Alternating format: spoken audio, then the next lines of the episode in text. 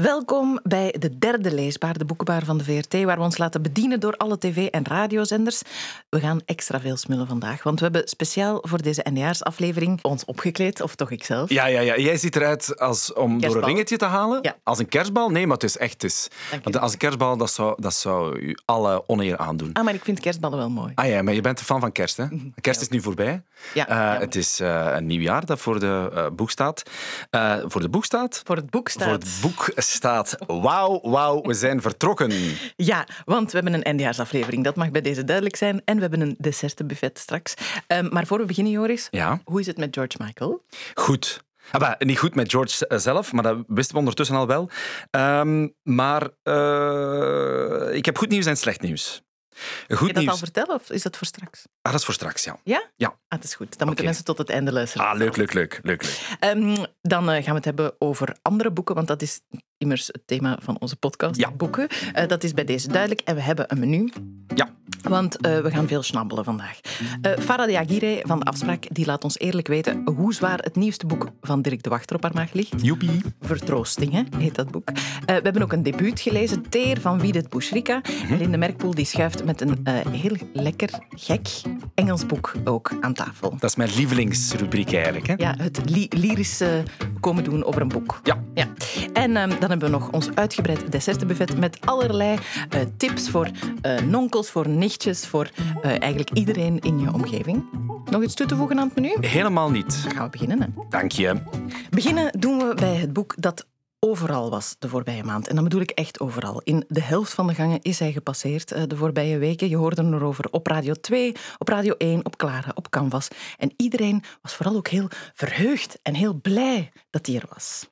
Touché met psychiater Dirk de Wachter. Goedemorgen. Goedemorgen. Ik ben heel blij dat je hier bent. Ik ben blij dat ik hier mag zijn. En wat ben ik ook ontzettend verheugd dat Dirk de Wachter aan mijn tafel zit. Insgelijks. Ja, Dirk.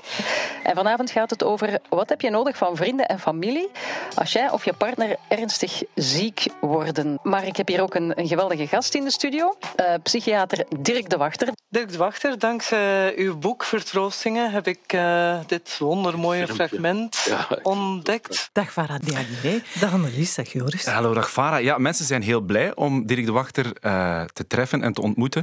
Maar ik ben toch vooral blij dat, eh, dat Farah hier is. Ik ook, ik ook, want je hebt hem ontvangen in de afspraak, hè, Ja. Farah. Eh, je had het over een fragment in het fragment dat we net hoorden. Eh, wat had hij jou leren kennen? Georgi en Marta Kurtak. Georgi is een Hongaarse componist, heb ik allemaal van hem geleerd, hè, wist ik niet. Maar hij beschrijft in zijn boek hoe eh, dat een van de dingen is die hem troost gegeven hebben in de periode dat hij behandeld was. En het is een fantastisch fragment. Het zijn twee, een koppel dus, in de negentig, die samen Quatre-Mains een stuk van Bach spelen. Zo mooi. Ja. Daarmee zijn we... We hebben altijd zo'n overgangetje nodig naar het volgende gesprek. En dat hebben we dan eh, gebruikt als overgang. Marta is intussen wel overleden. Helaas. Ja. Het gaat dus eigenlijk over het boek Vertroostingen, gewone woorden van Dirk de Wachter. En wat je zegt van supermooi en dan ook triest, want er is iemand overleden, dat past dan extra goed bij het boek, want het gaat over Dirk die ziek is geworden Aha. en over waar hij troost vond. Zo mag ik het samenvatten, denk ik. Hè? Ja, het is eigenlijk... Hij eh, vertelt zelfs waar hij was toen hij doorhad dat, dat er iets niet in de haak was. Centre Pompidou. Daar is blijkbaar Le Mur d'André Bre- Breton, een schrijver, Franse schrijver. Als ik nog eens in Parijs ben, ga ik naar Centre Pompidou om dat te gaan zien. Le Mur d'André Breton. Daar zat hij op een bankje. Dan inderdaad moest hij naar het toilet en merkte hij van oei, er klopt iets niet. Dat was het begin eigenlijk van eh, zijn kankerdiagnose, om het zo te zeggen. En dan vertelt hij inderdaad over de behandeling, over wat hem geholpen heeft, hoe hij muziek, eh, maar vooral mensen, vooral mensen. Ja, want er zijn heel veel verwijzingen, zoals wat jij nu zegt, naar eh, kunst, naar filosofie ook. Naar, er worden, je kan heel veel dingen leren kennen, zoals jij dat fragment hebt leren kennen, maar het ultieme troost vindt hij in een vriendelijkheid, Mhm. eigenlijk. Hè? Een mens. Hij vertelt ook hoe op een bepaald moment toen hij in het ziekenhuis was, het was ook corona, een poetsvrouw binnenkwam. En hij aan haar vroeg of hij met haar mocht praten. Het was een vrouw uit eh, Tibet, dus het gesprek ging dan in het Engels. En dan vertelt hij inderdaad hoe hem dat zo geholpen heeft dat er iemand was die naar hem luisterde en die ook haar verhaal aan hem vertelde. En dat deed mij denken, eh, het is natuurlijk een boek dat ik lees en dat bij mij herinneringen oproept. Ja. Toen ik zelf in het ziekenhuis lag, was er een nachtverpleegster. En die kwam s'nachts langs om te kijken of het oké was. En die kocht, ik mag geen reclame maken, die kocht altijd tubes crème in een goedkope supermarkt. En dan had ze die in haar zak zitten, die goedkope crème, en die vroeg dan, zal ik je benen eens masseren? Zonder bijbedoelingen, hè? Ja. echt gewoon als attentie. En ik zal nooit vergeten het moment dat zij inderdaad zo mijn onderbenen insmeerde met die crème en een babbelke deed, midden Ja. in de nacht. Dus we kunnen wel eh, op zijn zachtst gezegd zeggen dat dat wel heel herkenbaar was uit het boek van. Ja, er zijn nog dingen, nog dingen heel herkenbaar voor mij. Bijvoorbeeld, hij beschrijft ook hoe op een bepaald moment de behandeling gedaan is. En iedereen denkt dan van, "Ah, nu zou je wel blij zijn natuurlijk. Maar nee, je bent eh, verloren. Zo je denkt van, oei, wat nu? Wie gaat me nu in de gaten houden? Ik weet nog, bij mijn laatste, bij mij waren het bestralingen. Ik liep buiten, dat is zo in een bunker in Gasthuisberg, waar je dan weer naar buiten moet lopen. En er liep een vader naast mij met een heel klein kindje, twee, drie jaar zo, met een kaal kopje. Mhm. Dus die was ook bestraald. En dan even gebabbeld met die vader. En dan buiten in mijn auto gekropen en beginnen wenen gewoon. Allee, de behandeling is gedaan. Je denkt van, nu ben ik over mezelf aan, aan het eh, babbelen. Hè? Nee, nee, dat maar is wat hij het boek doet beschrijft natuurlijk. Dat, dat doet Ja. hij inderdaad. Ja. En dat doet hij natuurlijk zeer voor mensen die het ook hebben meegemaakt. Maar ik vind het ook heel goed om als partner of als vriend te lezen, om te weten van, ho. Ik zeg dat ook altijd tegen mensen, pas op voor de laatste dag van je behandeling. Mhm. Je denkt dat je blij gaat zijn, maar eigenlijk overvalt er jou eh, ook iets. Ja, ja, ja, die ongerustheid, daar heeft Ja. het over. Hè? Van, Ja. Ja, nu, ik was constant omringd door dokters, dus wist ik waar ik aan toe was, maar nu sta ik hier terug alleen. En, Mhm. en- En wat hij, het, het komt niet van hem, het komt van eh Levinas, het kleine goede noemt. Zo kleine dingen die je kan doen voor iemand, de poetsvrouw, die eh, met jou babbelt. eh, een vriendin die de strijd komt doen. Het kleine goede, dat is zo mooi. Waarom vergeten we dat eigenlijk altijd, Farah? We vergeten dat niet, we denken daar niet aan. Oké. Ja, Het is pas op zo'n momenten. ja. En misschien doe je het ook zonder het te beseffen. Hè? Je kan het ook doen zonder het te beseffen. Mhm. Als een vriendin langskomt en zegt, moet ik je strijk doen? Dan is dat voor mij het kleine goede. En voor haar is dat normaal Ja. dat ze dat doet. Ja, want je- kan het ook nog veel breder trekken. Het gaat over een diagnose en over een behandeling, maar die, dat kleine goede in elke kleine dag, Ja, voor eender wie. Eh, Joris, jij bent dan een groot voorvechter van, van gewoon op straat, al is het gewoon goeiedag tegen iedereen. Zeker. Ja, ja, ja, ja absoluut. Daar gaat Ja. het ook over. Jij bent daar het levende voorbeeld van. Jouw programma's zijn, jij bent gewoon het kleine goede in je programma's ook. Hè? Het Kleine Goede is eigenlijk een heel goede titel. Ja, Ja, dus voor Nee. een van uw programma's of een van Oh, mij? Van samen. mij. Of samen een programma. Maar dat zou mijn grote droom zijn. ja. Farah, kijk, er wordt hier nu in deze podcast live een programma geboren. Ja, kleine goede. Over troost. het kleine goede, superbelangrijk, daar zijn we het roerend over eens. Was het dan ook terecht dat Dirk de Wachter in elk programma van de VRT zat? En ook hier? Dat is natuurlijk moeilijk. Ik weet, eh, hij zat voor ons zat hij bij Friedel Mhm. in eh Touché. En dan zat hij eerst op televisie bij ons. Het is een stuk concurrentie natuurlijk. Hij wordt eerst zo snel mogelijk Dirk de Wachter hebben. Ik vind het wel goed, omdat het een boek is dat inderdaad voor veel mensen iets kan betekenen. Dus is het goed dat hij overal zit, tuurlijk. Ja. En in de kranten ook. Ik weet, toen hij bij ons was, toen kwam hij al van Radio 2, toen kwam hij van Clara. En dan eh, bij ons, ja, zegt hij, ik bundel dat dan, hè. Natuurlijk, hij heeft gelijk. Hij heeft Ja. gelijk. In deze podcast, Farah, eh, deze podcast heet Leesbaar. En eh, eigenlijk de vraag is heel simpel. De boeken die we bespreken, zijn ze leesbaar of niet? Dus ga ik aan jou dezelfde vraag stellen. Is dit boek Vertroostingen van Dirk de Wachter leesbaar of niet? Dit boek is heel leesbaar. En uitermate aan te raden in, eh, in deze tijden en in andere tijden. In alle tijden. Dankjewel, Farah. Dikke merci, Farah. Graag gedaan. En een fijn eindejaar en een bijzonder mooi begin met prachtige programma's. Waaronder eentje met mezelf. Het kleine goede.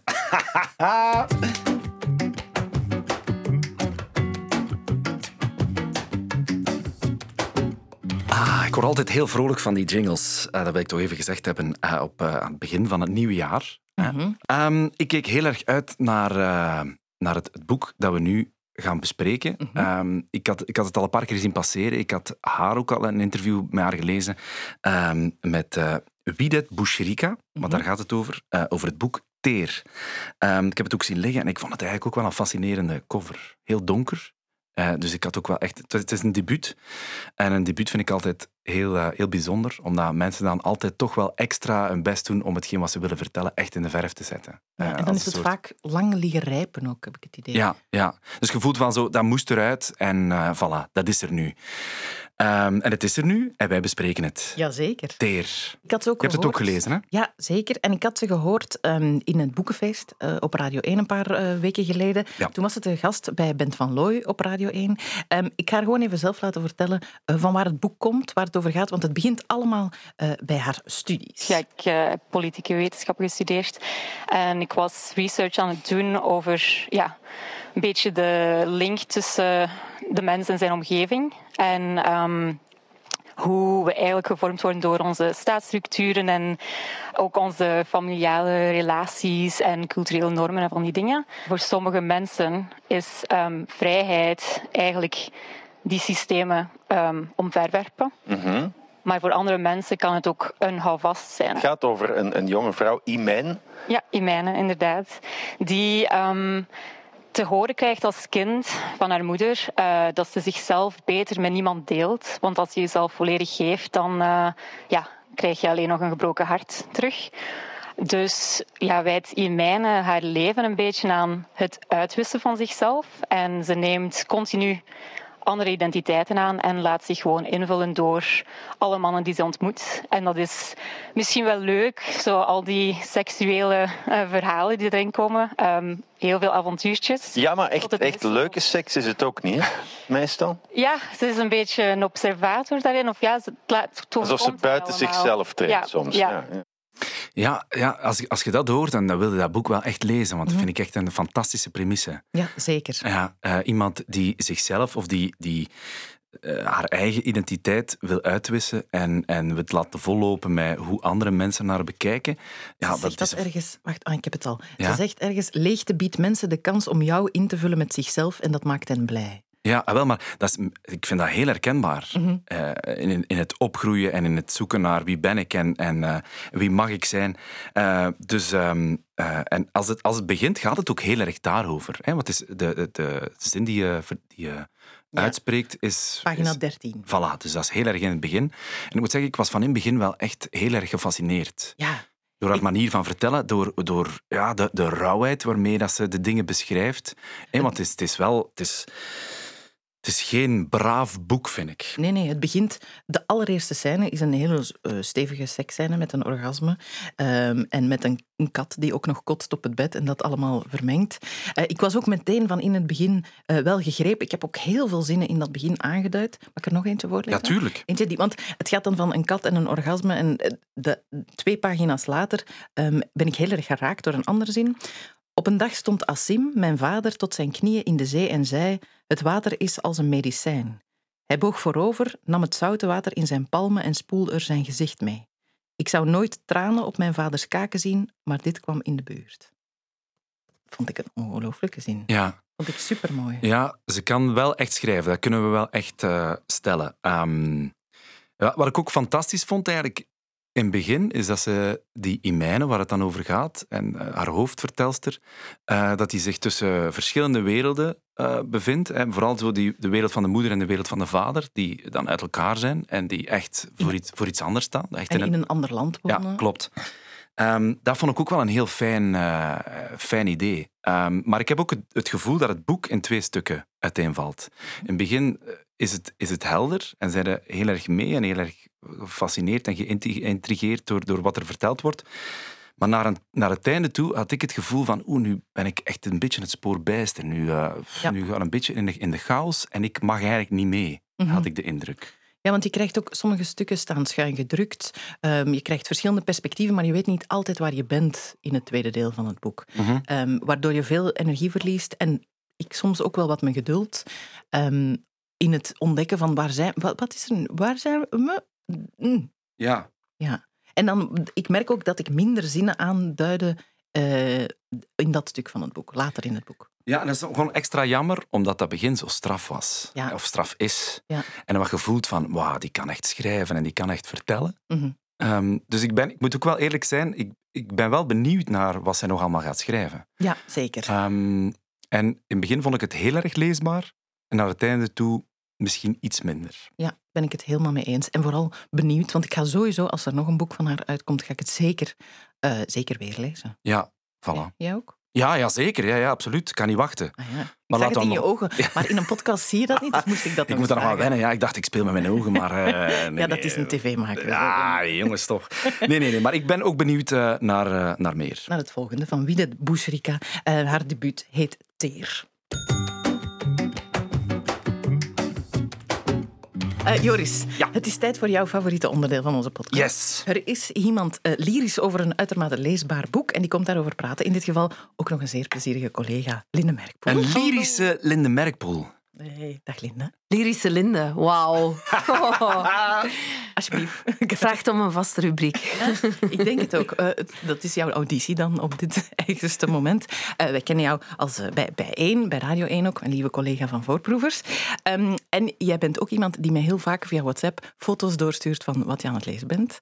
Wat ik alleen maar kan aanmoedigen. Zo ook dit boek. Welk Ja. boek heb je meegebracht? Ik heb dit boekje meegebracht. My Family and Other Animals van Gerald Durrell. Nog nooit van gehoord. ga dat Voor opschrijven nu. ja. Nee. Ehm, ik weet eigenlijk niet zo goed meer hoe het in mijn leven is geraakt, maar op een of andere manier, ik heb er ergens iets heel kort over gelezen en dan belandt dat op een lijstje. Maar zo is deze Gerald Durrell op mijn lijstje terechtgekomen. En niet veel later, je hebt dat zo, soms zo vaak, hoe het boek in je leven komt, is al, al bijna even belangrijk als het boek zelf. En ik was in Parijs en eh, ik ontdekte een hele toffe English bookshop. Ik hou van English bookshops. Eh, of je nu in Thailand bent of, eh, of, of China of weet ik veel. Ineens kom je dan een English books- bookshop tegen en dat is dan echt zo'n beetje thuiskomen. En dat was een hele rommelige English bookshop. Ik dacht, mijn moeder zou zeggen, daar vindt een kat haar jongen niet meer. Ik dacht, ja, de kans dat ik hier ooit iets vind wat op mijn lijst staat, is heel klein. Ehm, maar ik ga naar het vrouwtje dat daar achter, eh, achter de, de, de toonbank staat. En ik zeg het eerst het beste dat op mijn lijst staat. En dat is deze My Family and Other Animals. En die zegt, ah ja, dat moet hier liggen. Die loopt naar een stapel. En dat ligt daar gewoon als bovenste boek. Dat is dus echt al een teken. Het Ja. moest zo zijn. Meant to be, meant to be. Het moest zo zijn. En toen moest ik nog beginnen. Dat is ongelooflijk. Ja. Ik, kan- Ehm, ik wil het nu al lezen, los van wat erin staat. Ja. Omwille van dit, Ja. hè. Ja. Eh, wat ik wist eh, vooraf, eh, was dat Gerald Durrell een enorme dierenliefhebber was. Hij is niet echt een bioloog, maar echt mega gefascineerd door fauna. En ik wist ook dat dit een boek was uit 1956. Oud dus. Nu, ik hou niet van dieren en ik lees doorgaans ook niet zo heel graag oude boeken. Dus dat waren twee factoren die niet echt voor het boek spraken. En toch was er iets in mij dat nieuwsgierig was. En mijn nieuwsgierigheid werd zo hard beloond. Ehm, waar moet ik beginnen? Ja, moet ik beginnen? Waar moet je beginnen? We zullen we beginnen bij het begin, Mhm. want ik heb een stukje van het audioboek eh, meegebracht. Ah. En dat is het, het, redelijk het begin, want het verhaal, eh, als ik Wikipedia mag geloven, is als volgt dat de familie eh, van Gerard Durrell verhuist naar Corfu. Ehm, en het vertrek, dat zit in, eh, in dit fragmentje. So we sold the house and fled from the gloom of the English summer like a flock of migrating swallows. We all travelled light, taking with us only what we considered to be the bare essentials of life. When we opened our luggage for customs inspection, the contents of our bags were a fair indication of character and interests. Thus, my sister Margot's luggage contained a multitude of diaphanous garments, three books on slimming, and a regiment of small bottles, each containing some elixir guaranteed to cure acne. Leslie's case held a couple of roll top pullovers and a pair of trousers, which were wrapped round two revolvers, an air pistol, a book called Be Your Own Gunsmith, and a large bottle of oil that leaked. Larry was accompanied by two trunks of books and a briefcase containing his clothes. Mother's luggage was sensibly divided between clothes and various volumes on cooking and gardening. I travelled with only those items that I thought necessary to relieve the tedium of a long journey. Four books on natural history, a butterfly net, a dog, and a jam jar full of caterpillars, all in imminent danger of turning into chrysalids. Thus, by our standards, fully equipped, we left the clammy shores of England for Corfu.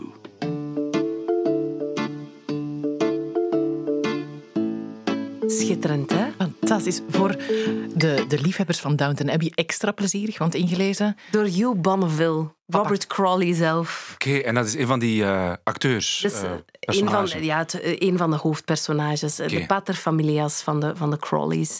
Um, maar wat krijgen we dus? Ja, eigenlijk de, de setting echt. Het is echt het begin van het boek. Uh, het is een autobiografie. Um, dus de familie, de, de vader van, van Gerald is overleden. De moeder blijft achter met haar kinderen en die overtuigen haar. Ze wordt overtuigd eigenlijk door, door haar oudste zoon, denk ik, van we moeten het druilerige Engeland verlaten. We moeten naar Corfu. En zoals dat dan gaat in begoede families, die verkopen gewoon hun hebben en houden. En die zeggen, oké, goed, let's go. En daar gaan ze. Ze vertrekken um, met dat, dat kleurrijke gezin. Die moeder en uh, haar uh, drie zonen en één dochter. Um, en daar komt Gerald Durrell terecht op Corfu. Een fantastisch eiland, vol natuur, insecten, kleine beestjes en ja, hij was al, hij was al uh, bezig met natuur, want hij is geboren in, in India. Is daar een, naar de zoo geweest en daar is zijn liefde voor het dierenrijk ontstaan. En nu komt hij dus met die familie op dat prachtige eiland terecht en begint eigenlijk, denk de mooiste vier jaren van zijn leven, waarin hij echt tocht na tocht maakt, beestjes meeneemt naar huis, verzamelt uren in het struikgewas zit om te kijken naar sprinkhanen, spinnetjes, kleine hagedisjes en gekko's. En neemt die allemaal mee naar huis. Daar gebeurt van alles mee. En de manier waarop hij daarover vertelt, ik had nooit verwacht dat ik zo graag een boek over dieren zou lezen. Maar het gaat natuurlijk ook niet alleen over die dieren zelf, want dat zegt de titel natuurlijk, My Family and Other Animals. Op een of andere manier sukkelt zijn familie daar ook tussen. En die familie wordt zo heerlijk omschreven. Um, je weet, Annelies, dat ik grote fan ben van Roald Dahl. En voor mij zit er heel veel van mijn liefde voor dit boek komt daaruit voort. Het lijkt voor mij zo hard op die oer-Britse stijl van Roald Dahl. Ook een soort van droge, grappige manier van vertellen. Oh, ik, oh, ik ben echt zo verslingerd aan dit boek. Om, je leest het en het was lang geleden dat ik zo luid moest lachen. Ik heb het gelezen op vakantie uh, in Frankrijk met een vriendin. En uh, zij kon op dat moment door omstandigheden uh, niet zo goed lezen. ze, heeft, ze heeft net een burn-out gehad. En het is voor haar moeilijk om te focussen, maar door het feit dat ik heel vaak luidop moest lachen, ja. zij zei van, lees nog eens een stukje. Waardoor zij ook keihard moest lachen met veel van die oh, schattige, mooie, goed vertelde passages. Zalig. Ik ben nu aan het denken, zou het vertaald zijn? Want wij vragen natuurlijk altijd, is het leesbaar? Als ik dat aan jou vraag. Het is mega leesbaar. Het is mega leesbaar. Um, het is blijkbaar ook mega voorleesbaar en dat, dat zegt al kei veel. En wat, wat, wat, ik ook, wat mij ook opviel, het is zo'n boek dat je leest en plots zit je op Wikipedia, want je wil in één keer alles weten over Gerald Durrell. Want die heeft daarna nog een kei fascinerend leven gehad. Die heeft uh, de, de zoo, een, een zoo opgericht in, in Groot-Brittannië. Die had een mega toffe vrouw. Een van zijn broers was Lawrence Durrell, die, dan, uh, die ook schrijver is en dichter. Swat, ik wilde ineens alles weten over, over Gerald Durrell. Ja. Ik ben het nu niet gewoon om in het Engels te lezen, Linde. Mm -hmm. um, dat lukt wel, maar ik moet daar iets meer uh, energie in steken of effort voor uh, doen. Uh, is het ook voor mij leesbaar of zou het ook voor mij leesbaar zijn? Ja, ik denk het wel. Uh, ik heb wel um, heel veel woordjes moeten opzoeken, omdat het ook zo specifiek gaat over uh, natuur. Zoals daarnet, uh, Hugh Bonneville had het over chrysalids of chrysalides. Dat zijn uh, kokonnen, ah, ja. poppen, vlinderpoppen. alle, ik heb drie verschillende woorden opgezocht voor sprinkhanen. Want een locust, een grasshopper en een mantid, dat zijn alle drie soorten sprinkhanen. Dus dat weet ik nu. Okay. Um, maar eens je daar kan overzetten, dan, uh, dan, dan gaat het wel lukken hoor. Okay. Het, is gewoon, het is gewoon, denk ik, een hele grote meerwaarde om het echt in, het, in, dat, in dat Engels te lezen. En vooral, je hoort het in je hoofd ook echt in het Brits. Um, en dat, is, oh, dat, dat, dat doet deugd aan mijn hart. Ik moet er ook bij zeggen, um, het is ook, uh, er is een serie van gemaakt, of zelfs meerdere seizoenen van een serie. En die heet The Durrells. Ik heb speciaal daarvoor dit weekend mijn abonnement op Amazon Prime nieuw leven ingeblazen om dan te ontdekken dat het er niet, op, niet meer op stond. dus ja, voilà. Uh, heel spijtig. Ja. Maar dus een warm pleidooi door uh, Linde Merkpoel uh, voor My Family and Other Animals. Uh, geschreven door... Gerald Durrell. Gerald Durrell. Sorry dat ik zo gerateld heb. Jullie hebben gewoon niets kunnen vragen. Ja, nee, maar, het, het was, was, niet te stoppen. een warm pleidooi en dat hebben wij graag. Ja. Linde, onnodig te zeggen dat we jou een fantastisch jaar wensen met uh, heel veel leven in huis. Ja, dank u wel zeg. En succes ook. Ja, dank ja dat ook vooral. We hadden het beloofd, hè Joris? Ja, klopt. Een uitgebreid dessertenbuffet, vol tips om uh, cadeautjes te geven. Sommige mensen zouden kunnen zeggen dat is te laat, want kerstmis is gepasseerd. Maar ik ben van het type kerstboom tot februari. Tot Valentijn blijft die bij mij staan. Uh, en daar liggen dan best nog wel wat cadeaus onder ook. Hè? Ja, ja, tuurlijk. En ik ben ook zo iemand die tot het einde van januari, 31 januari, want officieel mag dat, tegen iedereen gelukkige nieuwjaarswensen uit. Ah ja, en van de specifieke wensen of gewoon algemeen? Ah ja, ik probeer dat wel zo persoonlijk mogelijk te maken. Nu, voor iemand die ik niet ken, die ik gewoon tegenkom op de trein, is dat moeilijker. Dus dan, dan probeer ik het wat algemener te houden. Um, maar uh, ik probeer wel mijn best te doen, ja. Mm. ja. En heel veel berichtjes te sturen en... Uh, ja. Ah ja, je bent nog van en om middernacht echt, want dat is er zo wat uit. Hè. Zo vroeger konden de, de zendmasten dat niet aan, de nieuwjaarsberichtjes. Um, maar jij bent de enige persoon ter wereld die dat nog doet, of niet? Ja, wel, ik ga ook soms voor twaalf uur al wat berichtjes sturen. Hè, om nog voor, uh, voor, die, voor de chaos uh, van, de, van de jaar ommezwaai, uh, toch uh, al berichten uh, bij de personen te krijgen die ze moeten krijgen. Maar we zijn wat afgeleid. Klopt. Want um, jij hebt jouw desserts al op tafel liggen. Ik Klopt. zie daar George Michael liggen. George Michael is altijd een dessert. um, en dat is het mooie aan George Michael. ik heb al heel veel gepraat over de biografie van George Michael. Vooral over hoe je ze aan het lezen was. Klopt, klopt. Is nog altijd aan de gang. Um, en het is, maar het is savoureren wat ik Hmm. doe. Het, en ik wil hem toch al direct op dat buffet leggen. Oké, okay, ja, dat is als een gewaagd. soort tip. Um, dat is zoals een nieuw recept proberen als je 25 man in je huis hebt om te komen eten. Voilà. Voilà, dat is eigenlijk dezelfde, hetzelfde. Um, maar ik, het, ja, hij heeft zo'n fascinerend leven. Het is zo'n fascinerende carrière geweest van de man. Het is zo tragisch hoe de man um, toch, in, in, ja, toch heel graag gezien wou worden en... en uh, vaak ook verkeerde mensen is tegengekomen. En de, um, ja, de man had ongelooflijk veel, veel talent, was daar ook wel heel erg van overtuigd van jongs af aan al. Uh, maar zijn, zijn uh, leven heeft, uh, om het zacht uit te drukken, heel veel bochten genomen. Mhm. Mm -hmm. Maar fascinerend om te lezen, heel authentiek. Um, en het, het, het, lijkt wel alsof hij een van de laatste echte artiesten is die de muzieksector nog had, in de jaren tachtig. Iconen. Um, Want maar, we hebben dat nu niet meer? Uh, niet meer op die manier, heb ik de indruk. Zo'n Beyoncé um, of zo? Beyoncé is een ongelooflijk talent en een ongelooflijk icoon. Maar um, ja, qua, qua, qua tragiek en qua persoonlijkheid en, en personage, nu, zeg ik, nu bevind ik me echt op, op moeilijk gebied. Hè. Je kijkt naar mij alsof ik... Allez, alsof dat ik niet zo lang niet meer zal leven in dit uh, Ik ging gewoon zeggen, jaar. misschien ben, ben jij gewoon ouder geworden. Ja, ja, misschien wel. Hou ik nog te veel vast aan, uh, aan het verleden? Het is een, een jeugd, in je jeugd was hij alomtegenwoordig. Klopt.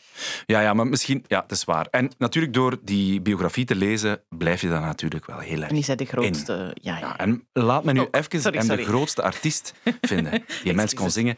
En dat is ook een geschenk aan uzelf. Dus, en dat is ook het leuke aan deze biografie. Je kunt ook tegelijkertijd de muziek van George Michael opzetten.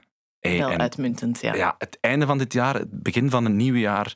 eh, ik kan eh, de mensen wel een portie George Michael voorschrijven. Eh, dus dat wil ik heel graag. dus het, de George Michael Alive heet het boek. James Gavin heeft het geschreven. Mooie cover ook. Heel mooie cover. Foto van hem. Mooie man, zwart-wit. Ja, oké, top. Ehm, wil jij eerst al jouw desserts of moet ik eh, ook wat desserts doen? Nee, ik, geen- ik, geef, ik ben ook zo iemand die andere mensen ruimte geeft. Ah, Dus, ehm, Ja, dank u. Nee, nee. Het probleem is, ik heb wat veel ruimte in. ja, ik zag, ik zag, ik zie dat liggen. Oh, Annelies, echt waar. Er was gezegd twee per persoon. Was dat gezegd? Nee, dat was niet gezegd, maar ik ging ervan uit. Maar, Ah ja, eh, sorry. Nee, oké, je, hebt, er meer? eh, je hebt meer dan twee boeken. Ja, Allee, Ik begint zal eraan. proberen kort te zijn. Ja. Zal ik... Oh, mag ik beginnen met het favoriete boek van mijn kind? Ja, heel graag. Er is een reeks, Paco en, of Paco in, eh, Paco en de jazzband, Paco en de rockband. Zijn dat boekjes die bij jou thuis ook? Nee, nog niet. En Paco is een personage. Paco is een, een gele hond. Oké. En Paco houdt heel veel van muziek, alle soorten ook, want er is ook Paco en Vivaldi, Paco en de opera. Oké. En dus het is, zoals het klinkt, een muziekboekje. Ik heb niet de jazzband kunnen meenemen, want dat zou Hugo zijn klauwen heb ik dat nog altijd vast, omdat dat mag ik echt niet meenemen. Ja. Maar het leuke is, dus ik heb nu Paco in de disco. Zal ik het even laten horen? Heel graag. Het is echt, dus het begint, Paco wordt wakker met zijn hoofd vol muziekjes. Zelfs de wolkenkrabbers van Manhattan lijken te dansen voor zijn ogen. En dan staat er een, een dingetje waar je moet op duwen. Yes. En dus het zijn allemaal echt, echte goede fragmenten. Dat is. Want veel muziekboekjes hebben zo wat een flauwe orgelachtige versie. Ja. Ehm, maar bijvoorbeeld in Paco en de Jazzband hoor je Ella Fitzgerald sketten. Je hoort Mac the Knife aan het einde. Dus dat zijn echt goede muziekjes, goede verhalen. Mooi getekend ook. Het is echt een hele toffe reeks. Het staat op vanaf drie jaar, maar mijn kind vindt het al leuk vanaf zijn geboorte. Of dat maak ik mezelf dan wijs. Maar eh, oprecht, hij, hij gaat het altijd zelf uit de kast halen. Eh, nog één heb ik hier ook voor, eh, voor kinderen die iets ouder zijn. Een kleine geschiedenis van de mens door dierenogen. Mm. Dieren zijn er al eh, veel langer dan dat er mensen zijn. Mhm. Maar de geschiedenis wordt heel zelden via hun verteld. Dus het gaat bijvoorbeeld over... ehm, de, de, er is lang gezegd dat Cleopatra zichzelf eh, zou het van het leven beroofd hebben door het gif van een bepaalde adder. Mhm. Die adder vertelt dan dat dat niet kan, want dat die helemaal niet in die contraien voorkwam. Maar het gaat ook over de kat van Anne Frank. Het gaat over... En er komen moeilijke thema's aan bod dankzij die dieren, want het gaat dan ook over genocide. Dus het is wel voor oudere kinderen. Het is heel mooi ook vooral. Er zijn heel mooie tekeningen. Eh, je krijgt altijd eerst een verhaaltje van het dier in kwestie en dan achtergrond, geschiedkundige achtergrond. Oh, tof. Maar bijvoorbeeld ook, er zijn meer dan een miljoen dieren ehm, in het Colosseum eh, doodgegaan. Mhm. Dat soort dingen. Eh, In de middeleeuwen voerden ze processen tegen koeien en varkens als die iets fout hadden gedaan. Dat soort leuke dingen om samen te ontdekken. Oké, een kleine geschiedenis. Van de mens door dierenogen. Niet de meest sprankelende titel. Nee, maar wel een hele mooie cover en het is ook zo groot, dus het is wel echt om cadeau te geven. Ja, ja, echt een cadeauboek. Mooi, mooi, mooi, mooi. Oké. Ik zal gewoon nog een paar dingen kort vernoemen, want ik wil graag nog tot het Ah ja, dan heb ik veel tijd ingenomen terwijl dat jij al eh, 800.000 boeken hebt eh, voorgesteld. Eh, een thriller, goede thriller, heeft ook de Hercule Poirot-prijs gewonnen. Klopt. Josephine van Annelore van Neer. Ehm, heel goed. Ah, Eh, oké. ja, het gaat over een bejaardentehuis ehm, waar ze een tuintje hebben waar ze giftige planten in kweken. Mhm. eh, eh, om dan te kunnen zelf te bepalen wanneer er een einde moet aankomen. Ze hebben daar afspraken rond gemaakt en dat tuintje, tuintje wordt bedreigd. Ah, grappig. Ehm, ze, ze maakt zelf de vergelijking van... Ik vind dat er weinig boeken worden geschreven zoals er series zijn als Breaking Bad, met humor en toch met gruwel. Ja. En dat, dat is haar grote voorbeeld. Oké, en hoe heet de schrijfster? Annelore van Neer? Annelore van Neer. Josephine, mag ik dat eens meenemen? Ja, ja, jij wou dat Dank je. Dat is bij Dank deze. je wel. Eh, Carrie Soto is back, heb ik ook nog bij. Taylor Jenkins Reid. Als je al eens op BookTok bent, dan ken je die naam, want die heeft ook The Seven Husbands of Evelyn Hugo gelezen. Als je nu bij bepaalde boekwinkels eh, passeert, die, dat gaat overal liggen. Ja. Het is een mega populaire eh, schrijfster. Die schrijft heel toegankelijk ehm, en die neemt jou echt zo mee naar werelden. Ze heeft een boek geschreven over Malibu, dan ben je mee aan het surfen. Eh, ze heeft dan dat boek eh, over Evelyn Hugo, dat gaat over de film over Hollywood in de jaren 20, 30 en wat later. Ehm, en dit gaat over tennis. Mhm. En dan zit ik toch tussen Kim Kleisters en een dat te lezen, dat soort dingen. Nog een kleintje is One Photo a Day Keeps the Doctor Away. Dat is een fotoboek van Joost Joosten. Ja. Ehm, Joost Joosten, die heeft, ik ken die omdat hij de foto's van Radio 1 ooit gemaakt heeft. Ja. En dan denk je aan, fotograaf maakt een boek, daar gaan veel foto's in staan. daar staan geen foto's in. Nee. Het is eerder een soort meditatie bijna. Want hij geeft elke dag een opdracht van fotografeer nu eens drie rode dingen. Dus ook voor niet-fotografen. En hij geeft zo wat tips. Maar dat is heel leuk. Het is een soort van manier om naar de wereld te kijken. Meer dan ehm, een fotoboek of een fotografiecursus of zo. Oké, oké. Heel, echt een goed cadeautje ook, vind ik. Ja. Dat is echt een goed cadeau. Oké, one, one... Photo a day keeps the doctor away. Het is een goed moment om te zeggen dat we alles in de show notes eh, zetten. Dat Ah, voilà. opschrijven zoals jij nu aan het doen bent. Ja, ja, ja, ja, ja want eh, ik ben nu al moe. Ja. En het jaar is nog niet eh, goed en wel vertrokken. Ik, ik wil ook nog een, een warm pleidooi houden, zoals ik al een paar boeken warm aanbevolen heb. Ehm, dit is eigenlijk een, een beetje een warm dekentje. En ook voor mensen die misschien niet graag dikkere boeken lezen. Zo heb ik hier een klein juweeltje in mijn bezit. Het heet Pleegkind eh, van Claire Keegan. Het telt 92 bladzijden. Het is een kort verhaal over een, eh, een kind, een meisje, dat eh, ehm, van, van haar ouders vervoerd wordt naar een, een opvanggezin. Ehm, en daar verblijft ze en daar krijgt ze eigenlijk de warmte en de genegenheid en de tederheid die ze ehm, bij haar kerngezin ontbeerde. Dat is eigenlijk de situatie. Ehm, als we het daarnet met Farah hadden over het kleine goede, dit boek is eigenlijk het kleine goede. Het kleine goede met een ongelooflijke onderwereld, met heel veel kwetsuren die niet aan de oppervlakte komen, maar die je wel voelt zitten. En ja, waarbij het niet altijd noodzakelijk is om ze naar boven te halen. Maar ze zitten er wel en het bewustzijn dat ze er zitten is ook al iets. Dus deze ehm, op het eerste zicht heel lichte vertelling heeft een, ehm, een heel grote melancholie in zich. En ik heb dat eigenlijk bijzonder graag gelezen. Er wordt hier de vergelijking gemaakt met Anton Tchekhov, de toneelschrijver. En ik vind dat eigenlijk niet, eh, niet verkeerd. Tchekhov heeft ook schijnbaar simpele verhalen, simpele personages. Maar als je daar goed naar kijkt en, en daar iets, iets dieper op ingaat, dan zie je wel zo dat, dat, dat het ook een diepte en een, en een, en een, een tragiek heeft. Eh, en dat heeft dit boek ook, eh, zonder, eh, zonder heel top zwaar te worden.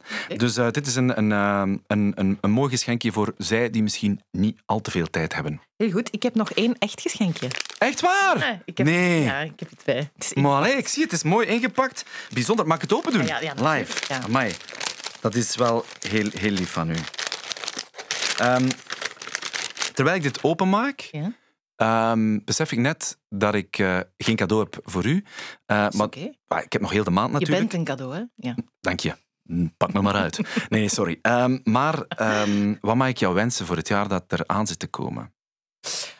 Ik vind dat heel moeilijk. Ik vind een voortzetting van wat ik nu heb, vind ik prima. Misschien met een klein beetje meer slaap. Oké. Oké. En misschien iets meer tijd om te lezen of niet? Ik mag eigenlijk niet klagen. Want dat is het voordeel van s'nachts veel wakker zijn. Ik raak dan moeilijk in slaap en dan lees ik. Dus ik heb heel veel kunnen lezen, meer dan ik had verwacht. Oké. Oh, je hebt, mij, oh, je hebt mij een boek gegeven in het Engels. Vind ik gewaagd. Met een prachtige cover. Ik lees voor. The Guernsey Literary and Potato Peel Pie Society. Dat is een bijzondere mond vol. Moeilijke titel. Uh, to give them hope, she must tell their story. Van Marianne Sheffer en Annie Barrows. Vertel, vertel, waarom krijg ik dit, eh, waarom krijg ik dit boek? Het was op de valreep nog het beste wat ik het voorbije jaar heb gelezen. Het is ook mijn exemplaar, want ik heb er andere besteld, maar ehm, die zijn er nog niet. Oké. Ehm, het is, als je het hebt over ehm, het, het kleine goede, het is eigenlijk een beetje dat ook. Het gaat over... eh, Guernsey is een, een eiland, een Brits eiland, maar aan Frankrijk. En een van de weinige Engelse plekken die ook bezet is geweest in de Tweede Wereldoorlog. En eh, dat is de achtergrond. Die mensen hebben heel veel meegemaakt in die periode, maar er is een schrijfster eh, die op een of andere manier begint te corresponderen, brieven begint te schrijven met eh, inwoners, dus een Britse schrijfster met inwoners van dat eiland. Maar eigenlijk gaat het gewoon over de kracht van boeken. En alles wat boeken kan doen, eh, het heeft ons samengebracht, Ja, boeken, ja. maar het heeft al heel veel mensen in de wereld samengebracht. En daar gaat het over. Ze hebben een, die eh, potato peel en Literary Society, dat komt van, ze hadden niks in de oorlog. Ze maakten taarten van de schillen van de aardappelen en ze hadden boeken. Mm. En dat bracht hen samen en daar schrijven ze over. Het is een boek alleen maar eh, brieven. Het bestaat volledig uit brieven. Mooie Heel fijn om Ja. te lezen. En ongelooflijke personages. Ehm, het zijn hele ehm, een beetje gekke, originele, leuke mensen. Eigenlijk zou ik willen dat ze allemaal bestaan en dat ze allemaal in mijn straat zouden komen wonen, eh, zodat wij en alle anderen zo bij elkaar op zou- zouden op bezoek kunnen gaan. Oké, wauw. Ehm, ik, eh, ik kan niet wachten. Weet je wat? Ik ga nu beginnen. Ik ga George Michael laten voor wat hij is. Ja, dat zeg ik niet licht. En weet je wat ik ga doen? Ik ga er gewoon de volgende podcast ga ik gewoon iemand uitnodigen die daarover komt vertellen. Ehm, over eh, George Michael. En ik eh, zet mij aan, eh, aan, je, aan je prachtige boek. Annelies Moons, je bent officieel een cadeau. Ik wens ons nog bijzonder veel afleveringen van Leesbaar. Ik wens alle luisteraars een bijzonder fijn jaar. En dat wens ik u ook natuurlijk toe. Ik wens ze ook proficiat dat ze deze alweer ongetwijfeld lange podcast helemaal hebben uitgeluisterd. Ah, tot volgend jaar. Tot de volgende laatste donderdag van de maand. Yes.